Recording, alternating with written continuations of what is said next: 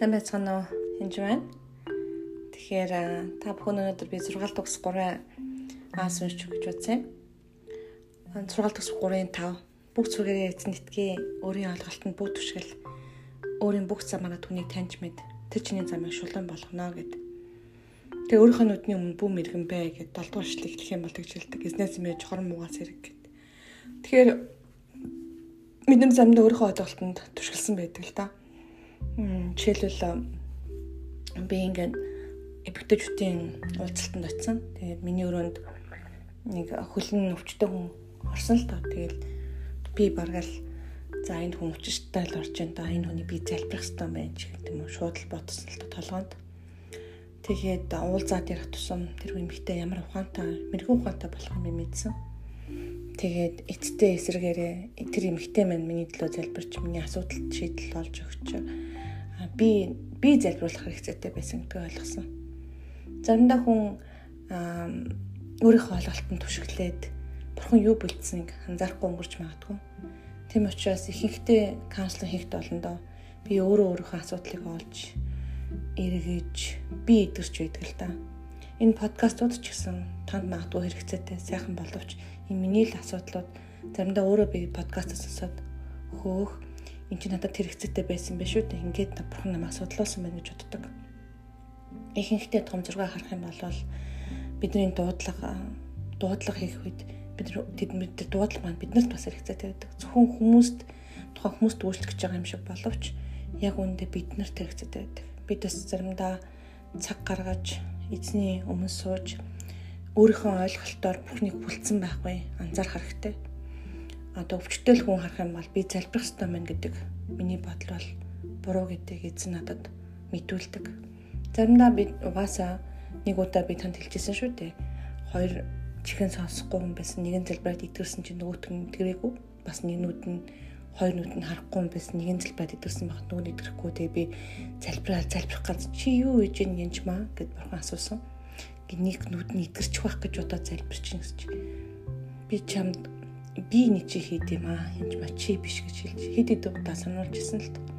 Тэгээ ялангуяа эдгэрлийн ч юм уу иш үзүүлэхийн бэлэг авьяастай хүмүүс би л иш үзүүлэх ёстой, би л энэ өвчтөе хүмүүсээ залбирах ёстой гэж бодох бодолтоос бити төрөгдөрөө бол бурхан илүү агуу хийж идэг. Магадгүй танд тэр хүмүүс өвчтөе маань хэрэгтэй хэрэгцээтэй ч гэж магадгүй. Тэр эмтэжтийн уулзалтанд эмчин өвчтнөр өрөөдөд ирсэн байсан. Тэгээд миний нөвчтөн хор тавдар тусаад эмчлүүлэхээр ирсэн. Тэгээд энэ ивентэд энэ үйл ажиллагаанд намайг ураад би ирсэн байгаамаа. Тэгээд э, биний өвчтөн надад туслана гэж би юусо бодоогүй бас сонирн байгаа шүү гэж хэлсэн. Тэгэхээр энэ 7 хоногийн турш би дандаа л тийм нөхцөл байдалтай тулгарч байна л да. Аа тэгээд сүмээс авсан шарах ч гэдэг юм уу янз бүрнээсээ болоод өвдцэн тэгээд дараа нь яг энэ өвдөх шарх дахиж ирэх байх та гэж зарим хүмүүс боддог. Нэг шарх авчгаараа нөгөө хүмүүс дахиж шарх авчих байх гэж айгаад өөр харилцаанд бас орохоо болцсон байдаг. Жишээлбэл нэг сүмээс айдаг ч юм уу, нэг эмэгтэй хүнээс айдаг болсон ч гэдэг юм уу. Нэг их шизүүлэгчээс айдаг болсон ч гэдэг юм уу. Жишээлбэл нэг эмэгтэй л гэсэн би шизүүлэгчээс амар айдаг болсон. Эндвэл тэр хүн намайг амар зовоосон. Тэгээд таны подкастыг сонсох гэж маш их зовсон. Миний найзууд ч гэсэн хуваалцсан чинь би зөндөө залбирчээж бурхан бас ингээд би сонссон. Тэгээд бусдад хаваалцсан чи өө дахиад нэг иш үзүүлдэг эмэгтэй байна. Бид нэ сонсохгүй айгууд л асуудалтай гэд айдаг, айгаад сонсохгүй байгаа гэж хэлж исэн. Тэр олон пасторууд бас юм бэлэг авьяастай хүмүүсээс айсан байдаг. Үнэхээр би ч гэсэн заримдаа тэр зарим бэлэг авьяастай хүмүүсээс их айдаг. Яагаад бол буруу шийдвэрлэх юм уу? Маш хэцүү л дээ. Жишээлбэл дууны тухай та магадгүй машины тухай зөндөө судалсан байж болно.